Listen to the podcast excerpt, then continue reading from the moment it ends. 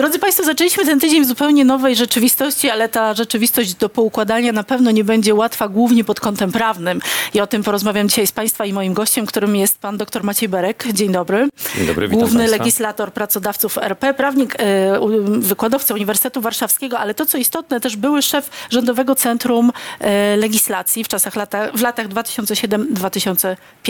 Czyli taki człowiek, który pomysły polityków przekłada na literę prawa. Tak, dokładnie tak. Przez 8 lat miałem okazję odpowiadać za e, całość tego, co się nazywa legislacją rządową, czyli za wszystkie te projekty ustaw, które rząd kieruje do Sejmu, e, za wszystko to, co się dzieje po stronie, po, po stronie Rady Ministrów. E, ale oczywiście mm, jest to także miejsce, które powinno zapewniać taką dobrą, sprawną współpracę pomiędzy rządem a parlamentem, bo jak wiadomo, to, co przygotowuje rząd, ten tym się później pochyla. Władzą wykonawczą i ustawodawczą. Jest, nad tym się później pochyla parlament, e, ale przede wszystkim e, czuję się, jestem osobą, która przez lata zajmowała się legislacją, w sensie takim, że po prostu byłem legislatorem, tworzyłem akty prawne, zajmuję się tym także dzisiaj od strony teoretycznej, od strony praktycznej, więc w tym sensie ten sposób tworzenia prawa dla mnie jest ciągle bardzo ważny. No i dzisiaj, jak pan patrzy na polski stan prawny, to łapie się pan za głowę, czy jednak jest pan spokojny, że to wszystko da się jakoś uporządkować? Panie redaktor, proszę Państwa, to wszystko trzeba uporządkować. To znaczy musimy e, wyjść od takiego założenia, że to musi być uporządkowane. Natomiast e, tak, wyzwań mamy bardzo dużo, bo nigdy. Z jednej strony nigdy nasz system prawny nie był takim, o którym można było powiedzieć, że jest e, czytelny, przyjazny i że jest oceniany jako, jako taki, który właśnie w przyjazny sposób traktuje tych, którzy mają to prawo wykonywać. E, ale z drugiej strony nigdy też ta sytuacja nie była aż tak bardzo skomplikowana jak teraz. Ale ma pan takie poczucie chaosu, jeżeli mówi pan dyplomatycznie, że jest skomplikowane? Bo ja przyznam szczerze, że ja czasami nawet przygotowując się do rozmów e, w danym temacie, nie wiem, gdzie szukać zapisów w, w innej ustawie, ponieważ są takie małe gdzieś przepisy poupychane w zupełnie innych obszarach tematycznych. No tu dotykamy tak naprawdę już całego szeregu zagadnień. Po, po pierwsze takiego, że y, była Pani uprzejma wspomnieć, że pracuję też na Uniwersytecie Warszawskim, mam zajęcia ze studentami z prawa konstytucyjnego właśnie i z nimi rozmawiając dość często dochodzimy do takiego miejsca, w którym studenci pytają, a co jeśli jakiś organ czegoś nie zrobi? A co jeśli prezydent nie podpisze ustawy? No poza tym, że e, powinien ją podpisać albo wysłać do Trybunału, albo wysłać do Sejmu, ale co by się zdarzyło, gdyby jej nie podpisał? E, I ja mam zawsze jedną odpowiedź, e, że prawo konstytucyjne, cały ten system państwa jest stworzony przy założeniu, że organy państwa to prawo wykonują. Prawo konstytucyjne to nie jest taki obszar jak prawo nazywane administracyjnym, związane z pozwoleniami na budowę, na e, prowadzenie jakiejś działalności gospodarczej, gdzie w przepisach są przewidziane mechanizmy odpowiadające na pytanie, a co jeśli ten, który ma jakiś obowiązek, tego nie zrobi? Bo wtedy jest jakieś przymuszenie, grzywna, wykonanie zastępcze. W prawie konstytucyjnym tego nie ma. Prawo konstytucyjne jest założone, na, oparte o założenie, że ono będzie realizowane. A dzisiaj nie jest? Znaczy ma pan dzisiaj poczucie chaosu prawnego w państwie, czy nie, w takim dużym uproszczeniu? Pani redaktor, od momentu, w którym prezydent Rzeczypospolitej nie odebrał e, przysięgi od prawidłowo wybranych sędziów Trybunału Konstytucyjnego, a przecież e, te- ten stan e, chaosu prawnego, niepewności prawnej, niejasności co do tego, w jakiej sytuacji prawnej jesteśmy, zaczął się wtedy. Wtedy się okazało, że takie aksjomaty, czy, czy wartości, założenia, które były traktowane jako aksjomaty, jako pewniki, nie są pewnikami. Okazuje się, że można pewne rzeczy zrobić w sposób, który się wcześniej wydawał kompletnie niemożliwy i w tym sensie tak, w tym sensie jest takie poczucie, że ten system prawny został rozedrgany. Jeszcze tylko jedno zdanie. On został też bardzo poważnie e, poruszony, wzruszony uchwalaniem ustaw, które e, były jakby obok konstytucji. Tak? Konstytucja ustanawiała jeden, jeden system, a obok tworzono reguły, które były jakby równoległe do tego. I jak to wszystko naprawić teraz? Gdyby przyszedł do pana, załóżmy, że opozycja tworzy rząd, przychodzi do pana Donald Tusk, który być może będzie premierem, być może nie, znają się panowie i pyta Maćku drogi, albo panie dyrektorze, panie doktorze, panie prezesie, co my z tym wszystkim zrobimy? Panie redaktor, te namysły nad tym, w jaki sposób uzdrowić tę sytuację, em, one trwały od dłuższego czasu, bo wiadomo było, że przyjdzie taki moment w państwie, w którym trzeba będzie to państwo z, powrotem postawić na nogi, żeby ono dobrze funkcjonowało. E, Żeby funkcjonowało w oparciu o wartości, które są zapisane w Konstytucji, żeby funkcjonowało w oparciu o system prawny, który jest przewidywalny żeby przedsiębiorcom stwarzało przewidywalne warunki Tak, dla nich prowadzenia działalności. E, Więc ten namysł dotyczący bardzo wielu obszarów trwał od dłuższego czasu e, i e, w zasadzie w każdej sprawie, która wymaga naprawy, jakaś koncepcja, z tego co wiem, przez różne środowiska była przygotowywana. Odpowiedź generalna na to, jak to zrobić, e, musi być oparta o dwa elementy, które są pozornie ze sobą e, może trochę konkurujące. Bo z jednej strony trzeba użyć wszystkich narzędzi e, do tego, zmierzających do tego, żeby jak najszybciej przywrócić normalne funkcjonowanie organów państwa. Ale z drugiej strony trzeba bardzo uważać, żeby nie ulec pokusie sięgania po narzędzia, które były tak bardzo krytykowane, kiedy używała je odchodząca władza. No właśnie ma pan takie poczucie, że, że jeżeli władzę przejmie opozycja dzisiejsza jeszcze, to będzie taka pokusa y, ułatwiania sobie życia takimi narzędziami? Uważam, że nie powinno być pokusy ułatwiania sobie życia, natomiast uważam, że trzeba niezbędnie sięgnąć po narzędzia, które ułatwią zaprowadzenie porządku. Czyli co na przykład? E, Czyli e, e, i- jeżeli na przykład są takie obszary w państwie, gdzie prowadzenie polityki mogłoby być e, realizowane na podstawie ustawy, niech to będzie obszar zdrowotny, a wiemy o tym, że prawdopodobna różnica poglądów pomiędzy obozem rządzącym, jeśli on się sformalizuje w tym kształcie, w którym się wyłonił w wyborach, a prezydentem jest na tyle istotna, że prawdopodobnie prezydent nie będzie gotowy takiej ustawy akceptować, to niektóre obszary, niektóre obszary związane z ochroną zdrowia były, są i będą realizowane przez tak zwane programy zdrowotne, które są przyjmowane przez Radę Ministrów. Czyli chce pan powiedzieć, że rząd y, w takiej koabitacji z prezydentem będzie w stanie rządzić bez podpisu prezydenta, bo przecież nawet wdrażanie tych podstawowych konkretów, które zaprezentowała Koalicja Obywatelska, pomysłów, które zaprezentowała Trzecia Droga czy Lewica, to są zmiany ustawowe. Nie wszystko się to tak w ten sposób da zrobić e, i z całą pewnością na to właśnie trzeba będzie uważać, żeby nie ulec tej pokusie ignorowania tego, że są takie obszary, które muszą być stanowione ustawą, bo tego wymaga od nas konstytucja. Ale wszędzie tam, gdzie można ten sam albo podobny rezultat osiągnąć narzędziami innymi, które będą mniej trwałe, e, które, mm, ale które będą dawały podobny rezultat, nie mam wątpliwości, że trzeba rekomendować sięganie po, takie, sięganie po te rozwiązania, bo mm, jeszcze raz powtórzę, tym celem nadrzędnym jest to, żebyśmy uporządkowali sposób funkcjonowania państwa z jednej strony, a z drugiej strony oczywiste jest to, że ten, kto tworzy rząd, tworzy go po to, żeby realizować swój program. I to też powinno być w normalnie funkcjonującym państwie akceptowalne. Gdybyśmy mieli dzisiaj funkcjonujący, przecież e, e, Sąd Konstytucyjny, Trybunał Konstytucyjny, o którego większość społeczeństwa istnieniu dowiedziała się w 2015 roku. Któż wcześniej interesował się Trybunałem Konstytucyjnym? E, A kto jeszcze bardziej wiedział, gdzie on się mieści, jaki jest jego adres, a potem się tam gromadziły e, nieprzebrane tłumy. E, Gdybyśmy mogli postrzegać Trybunał Konstytucyjny jako sąd, którego orzecznictwo jest przewidywalne, a tak przez lata było. Ja zajmując się legislacją wielokrotnie odpowiadałem na pytanie premiera, ministrów, czy jeżeli zaprojektujemy tę ustawę w taki albo inny sposób, to ona może być podważana jako niekonstytucyjna, czy nie. E, I ja z zespołem prawników, z którymi współpracowaliśmy, analizując dotychczasowe orzecznictwo, byliśmy w stanie powiedzieć, to się wydaje bezpieczne, tutaj jest zbyt wysokie ryzyko. Dzisiaj takiego, e, takiej odpowiedzi nikt nie jest w stanie udzielić, dlatego że wszyscy mamy poczucie, że Trybunał działa tylko tam, gdzie chce, bo jest cała masa spraw, która wisi w Trybunale i w ogóle nie jest rozpatrywana, a inne są rozpatrywane bardzo szybko. Czy, no to w takim razie, czy jeżeli opozycja przejmie władzę, będzie w stanie dokonać lega artis zgodnie z prawem zmian w Trybunale Konstytucyjnym, ale także w Narodowym Banku Polskim, bo o tym y, kiedyś wspominał Donald Tusk, że trzeba będzie usunąć pana prezesa Glapińskiego. Czy pan widzi możliwości działania? Bo to będzie utrudnione w takim środowisku. Pani redaktor, e, w każdym z tych obszarów odpowiednie działania muszą być podjęte.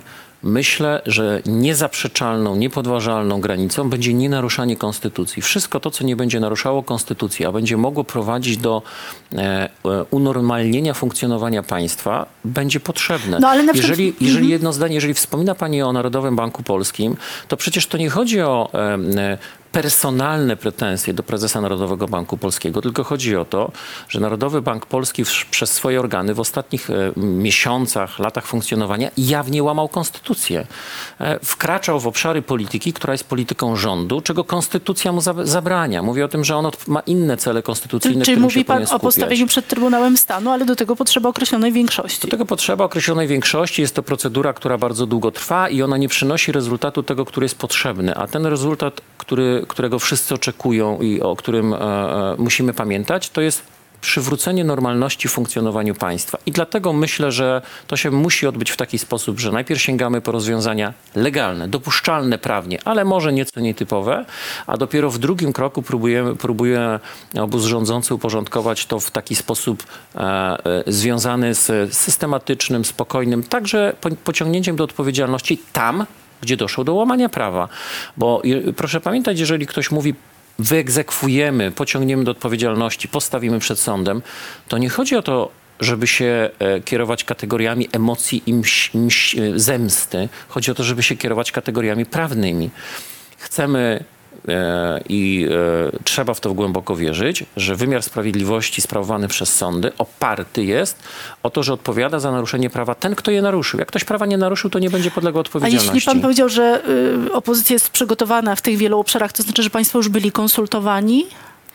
Że E, pan się uśmiecha znacząco.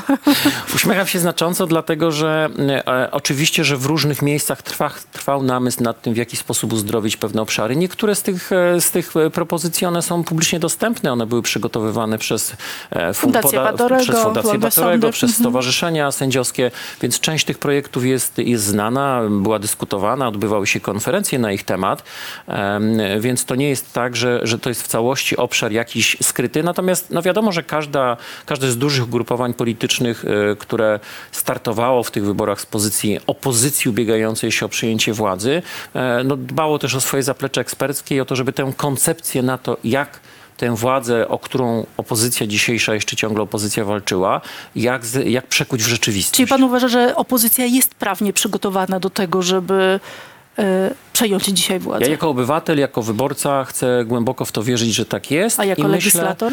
E, jako legislator byłbym w stanie to ocenić, jakbym zobaczył te projekty. Ja część z tych projektów widziałem, oglądałem. One nie wszystkie są realizowalne. To, to wcale nie jest tak, że wszystko to, co jest w tej chwili przemyślane, e, e, położone na stole i przygotowane jest bardzo dobrze przemyślane, ale są projekty, które, których przygotowanie było poprzedzone naprawdę wielomiesięcznymi analizami e, wybitnych prawników zajmujących się jakąś dziedziną, ale także praktyków. I takie projekty są gotowe. Mądra opozycja przejmując rząd, na pewno będzie gotowa po te projekty sięgnąć. Bo y, rzeczywiście, jak sobie spojrzałam taką mm, inflację, no właśnie a propos sytuacji gospodarczej, o której zaraz porozmawiamy, prawa, to w 2022 roku liczba stron aktów, ustaw i rozporządzeń wzrosła do prawie 32 tysięcy i była o 52% wyższa niż w 2021 roku i 113% wyższa niż w 2020 roku. Pani redaktor, ja znam, e, znam badania przedstawiane przez tą firmę, która informuje o tej liczbie stron dziennika Tak. ustaw. Tylko pamiętajmy, że e, dzienniki ustaw e, od ładnych już kilku lat są także miejscem publikowania tak zwanych tekstów jednolitych. Czyli Tak. jeśli ustawa się zmienia, to ma być opublikowany taki tekst konsolidujący, czyli pokazujący naniesione wszystkie zmiany. I teraz w zależności od tego, jaką metodologię przyjmiemy, to ta liczba stron może nam e, pozornie wzrastać. Czyli nie powinno nas to przerażać. E, sama liczba stron nie.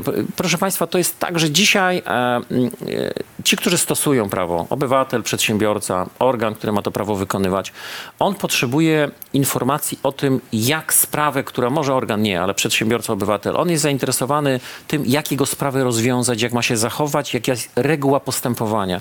Te setki, tysiące stron e, przepisów to tak naprawdę są dla prawników, którzy tym osobom mają powiedzieć, jak działać. Tak? To jest wyzwanie, które stoi przed nami. E, Ja jako prawnik się mniej boję liczby stron. Ja się bardziej boję sytuacji, w której stan prawny jest niejasny, w którym e, stan prawny jest przesadnie często zmieniany. E, To, że trzeba się zapoznać z dużą liczbą stron, jakiegokolwiek prawnika, adwokata, legislatora, radcę prawnego pani nie zapyta, prawnik sobie z tym poradzi i on powie, jak się zachować. On udzieli tej porady, pod warunkiem, że ten stan prawny Ale- będzie czytelny. Ale czy to dzisiaj jest tak, że państwo muszą e, przejrzeć akty prawne z 8 lat, uporządkować je, powykreślać różnego rodzaju przepisy, czy po prostu funkcjonować na fundamentach tego, co zostało stworzone, bo po prostu jakby cofnięcie pewnych procesów, bo prawo też nie działa wstecz, nie jest już możliwe. Prawo nie działa wstecz i e, na pewno złudnym e, i niewłaściwym byłoby takie myślenie, że trzeba przywrócić to, co było, dlatego że rzeczywistość się zmienia. Otoczenie społeczne, gospodarcze, międzynarodowe jest zupełnie inne niż 8 czy 10 lat temu E, i nie powinniśmy szukać mo- możliwości powrotu do tego, co było. Powinniśmy szukać możliwości unowocześnienia funkcjonowania państwa we wszystkich jego obszarach. Od funkcjonowania administracji, poprzez funkcjonowanie e, gospodarki, poprzez sprawy związane z zabezpieczaniem interesów e, na- najróżniejszych Tym socjalnych. bardziej, że jeden z kamieni milowych, żeby sięgnąć po KPO, to jest właśnie e, uporządkowanie zasad legislacji w rządzie, w Sejmie, w Senacie. Tak, KPO, kamienie milowe, które zaakceptował rząd, bo przecież one zostały formalnie zaakceptowane. W, w, w tych tak zwanych kamieniach milowych rząd zobowiązał się do zwiększenia udziału społeczeństwa w procesie stanowienia prawa, do zwiększenia udziału, do Czyli tego, konsultacji. żeby do, do, do urealnienia procesu Chociaż za rządów konsultacji. PO-PSL też nie wszystkie ustawy były konsultowane. Nie wszystkie ustawy były konsultowane, e, były w tym zakresie zaniedbania, ale przyznam się, że jako osoba, która odpowiada, odpowiadała także za ten obszar konsultacji publicznych przez 8 lat e, pracy w rządzie, z gorzką, ale jednak satysfakcją czytam e, dzisiejsze podsumowania, raporty oceniające ostatnią kadencję, dwie ostatnie kadencje, gdzie bardzo wyraźnie jednak wybrzmiewa, e, że o ile pewne zastrzeżenia można było mieć do okresu rządu em, Platformy i PSL-u, to to jest nieporównywalnie lepsze w porównaniu do tego, co się działo przez ostatnich 8 lat. I powiem, co się działo przez ostatnich 8 lat z perspektywy e, organizacji, która e, reprezentuje przedsiębiorców. Część projektów nie była w ogóle ujawniana, tak? Czyli rząd pracował nad jakimiś projektami, które zgodnie ze swoim regulaminem ma obowiązek przedstawić na specjalnej stronie internetowej, w ogóle ich tam nie pokazywał. Przepis mówi, masz obowiązek je pokazać, a e, ktoś ze strony rządu mówi, przepraszam za potoczne określenie, pomidor. I co z tego, że muszę? Po prostu to ignoruję. E, Przedsiębiorcy dowiadywali się o jakimś projekcie, czasem przedsiębiorcy, a czasem po prostu obywatele, jak on wpływał do Sejmu. No przecież jeżeli rząd nad tym projektem pracował, to s- y, jako obywatele, jako, jako przedsiębiorcy mamy prawo wiedzieć, co jest przygotowywane.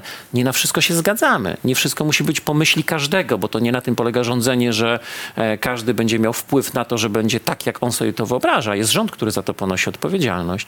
Ale wszyscy mamy prawo wiedzieć, co jest przygotowywane. Więc część projektów była tak zwanych niejawnych. W ogóle nie było wiadomo, co jest przygotowywane. Jak do tego jeszcze nałożymy to, że parlament potrafi ustawi, uchwalić ustawę, Sejm potrafi uchwalić ustawę w ciągu nawet kilku godzin, no to tworzy nam się obraz kompletnego zaskoczenia.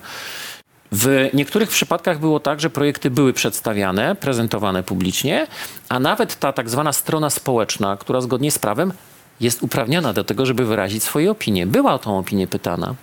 Tylko, że ja widziałem naprawdę, doświadczałem wielokrotnie takich sytuacji, w których w imieniu marszałka Sejmu było wystosowywane pismo przez kancelarię Sejmu z prośbą o przedstawienie opinii do jakiegoś projektu.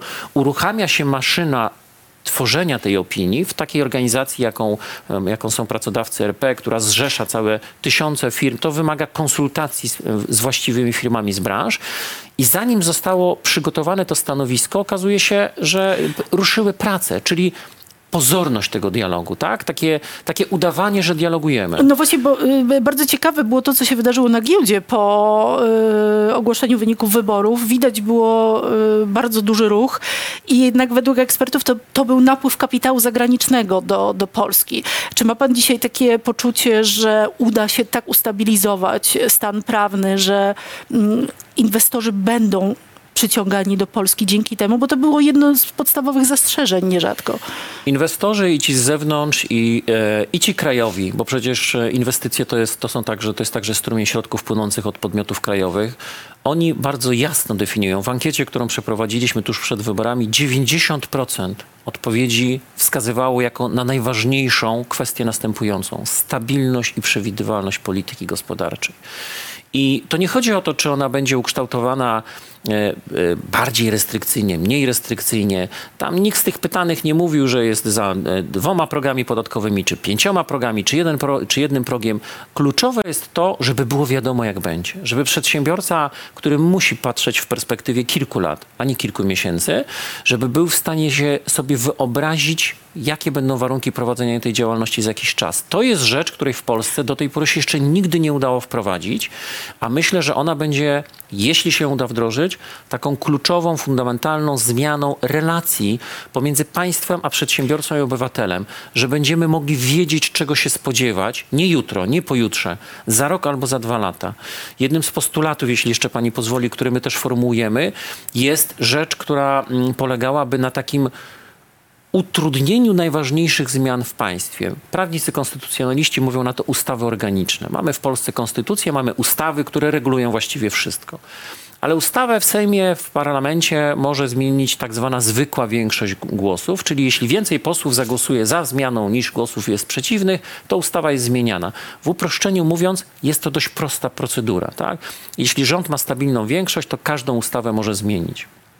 Ale są takie ustawy, jak dotyczące systemu podatkowego, systemu emerytalnego, Czyli doświadczenia Polskiego Ładu na przykład. co do których chcielibyśmy, żeby one tak łatwo zmieniane Myślę, nie że były. to nie dotyczy tylko przedsiębiorców, ale zwykłych obywateli Absolutnie też, tak, prawda? Bo Polski Ład zaskoczył tak. nas wszystkich. Absolutnie tak. Zaskoczył nas, zaskoczył podatników, zaskoczył każdą osobę, która płaciła podatki. I był chyba przykładem takiej złej leg- lega- Polski Ład to legislacji. będzie em, na latach i przykład książkowy, naprawdę książkowy tego, jak się, prawo nie jak się prawa nie powinno stanowić, bo jeżeli my w maju, czerwcu tego roku, e, w którym Polski Ład był wprowadzany, nie wiedzieliśmy jeszcze, według jakich reguł będziemy opodatkowani, bo wszystko się sprowadzało do stwierdzenia, że jak się rozliczy podatki, to się wybierze wariant, który jest najbardziej korzystny, czyli tak naprawdę do dnia złożenia zeznania podatkowego nie wiadomo, w jakim systemie podatkowym funkcjonuje, to jest już aberracja. Tak? Na końcu to jest przecież przerzucenie olbrzymiego wysiłku, także kosztu na tych, którzy muszą to wszystko liczyć. Przecież w, każdej, w każdym przedsiębiorstwie, w każdej firmie, w której pracujemy, e, działy księgowe na początku roku po wprowadzeniu Polskiego Ładu siedziały po kilkanaście godzin i próbowały ustalić, co się dzieje.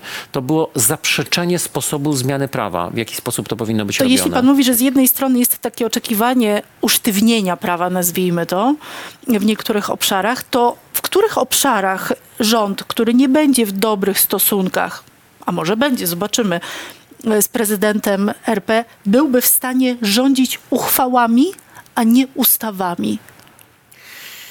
E, pa- Panie redaktor, ja, ja chcę zacząć od takiego stwierdzenia i ja chcę wierzyć, może to jest wiara trochę naiwna, ale ja chcę wierzyć, że e, e, prezydent, każdy organ, który sprawuje władzę publiczną w państwie, powinien być zainteresowany współdziałaniem z innymi organami władzy. No tak, ale już widzimy nawet, jak powi- wygląda y, y, jakby po- powierzenie misji tworzenia rządu. Jeszcze nie wiemy. To, wiesz, no, no zobaczymy, więc właśnie, właśnie zobaczymy, te, to zobaczymy jest za kluczowe chwilę. stwierdzenie. Tak, Jeszcze nie zobaczymy, wiemy. Zobaczymy za chwilę. E, miejmy na razie nadzieję na to, że, e, że koabitacja, która oznacza współdziałanie organów e, e, władzy wykonawczej, rządu i prezydenta, którzy są z różnych obozów politycznych, nie musi być szorstka, nie musi być szorstką przyjaźnią, jak kiedyś klasyk powiedział, że może być e, e, zwykłą, dobrą współpracą. E, różnice obozów politycznych, poglądów obozów politycznych nie muszą prowadzić do destabilizacji państwa, chociaż to wymaga wysiłku po To obydwu byłaby stronach. destabilizacja państwa, pana zdaniem? Jeżeli by dochodziło do jawnej rywalizacji ośrodków władzy wykonawczej, jeżeli, e, jeżeli byśmy założyli, ja tego założenia nie chcę przyjmować, ale jeżeli byśmy założyli, że prezydent jest skupiony na tym, żeby utrudniać rządzenie, e, to oczywiście, że to by było destabilizowaniem państwa, byłoby to działaniem, które by znowuż było wbrew konstytucji. Ja chcę ciągle wierzyć, że ta konstytucja jest zbiorem wartości, które my jako obywatele mamy wyznawać, podzielać, ale organy władzy mają przestrzegać. No ale ostatnie 8 lat jednak pokazało nam w niektórych momentach nieco inne podejście do tego aktu. Tak. I dlatego pewnie trzeba będzie, tak jak zaczęliśmy tę naszą rozmowę, być gotowym na to, żeby wszędzie tam, gdzie jest to możliwe, używać narzędzi związanych z stosowaniem prawa, z miękkimi narzędziami, które nie wymagają Ale czy to będzie skuteczne, ustawowych. pana zdaniem? To wszystko będzie zależało od, konkretnej, od konkretnego obszaru. Musielibyśmy się zastanowić, czego konkretnie to, to ma dotyczyć. Oczywiście, że jest tak, że cały szereg zagadnień wymaga zmian ustawowych. Jeżeli ustawa coś określa, nakazuje, zakazuje, to tego się nie da obejść. Pana zdaniem czeka nas taki chaos przez kilka kolejnych miesięcy? Ja myślę, że my wszyscy, a, a, a w szczególności e, osoby, które nas e, oglądają, słuchają, chcą wierzyć, że nas to nie czeka. Tak, że to, że no tak, nie chcemy wierzyć, tylko co, my rozmawiamy o rzeczywistości potencjalnej. Potencjalnie możliwe jest i to, i to. Potencjalnie możliwy jest chaos, e, lider obozu rządzącego, w, w, komentując e, wyniki z exit polu, z pierwszych sondaży powyborczych, powiedział, czeka nas okres e, dużych wzburzeń, kłótni. E, zabrzmiało to bardzo, bardzo groźnie. Może to była kwestia emocji wypowiedzi tej chwili, e, ale wiele osób to usłyszało. To słowa zabrzmiało jak- Jarosława Kaczyńskiego. tak, to zabrzmiało jak taka zapowiedź, y, zrobimy wszystko, żeby tą łódką rozkołysać. Ale ta łódka to jest nasze państwo i my wszyscy powinniśmy chcieć i dążyć do tego, żeby ta łódka spokojnie żeglowała. Zmienia się sternik, ale łódka jest ta sama. To jest nasze wspólne dobro.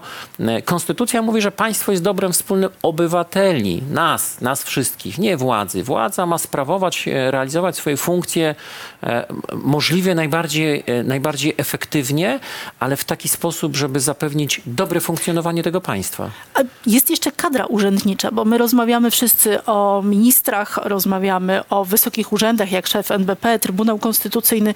Czy ta kadra urzędnicza, da się ją w ogóle wymienić w części i czy jest to konieczne?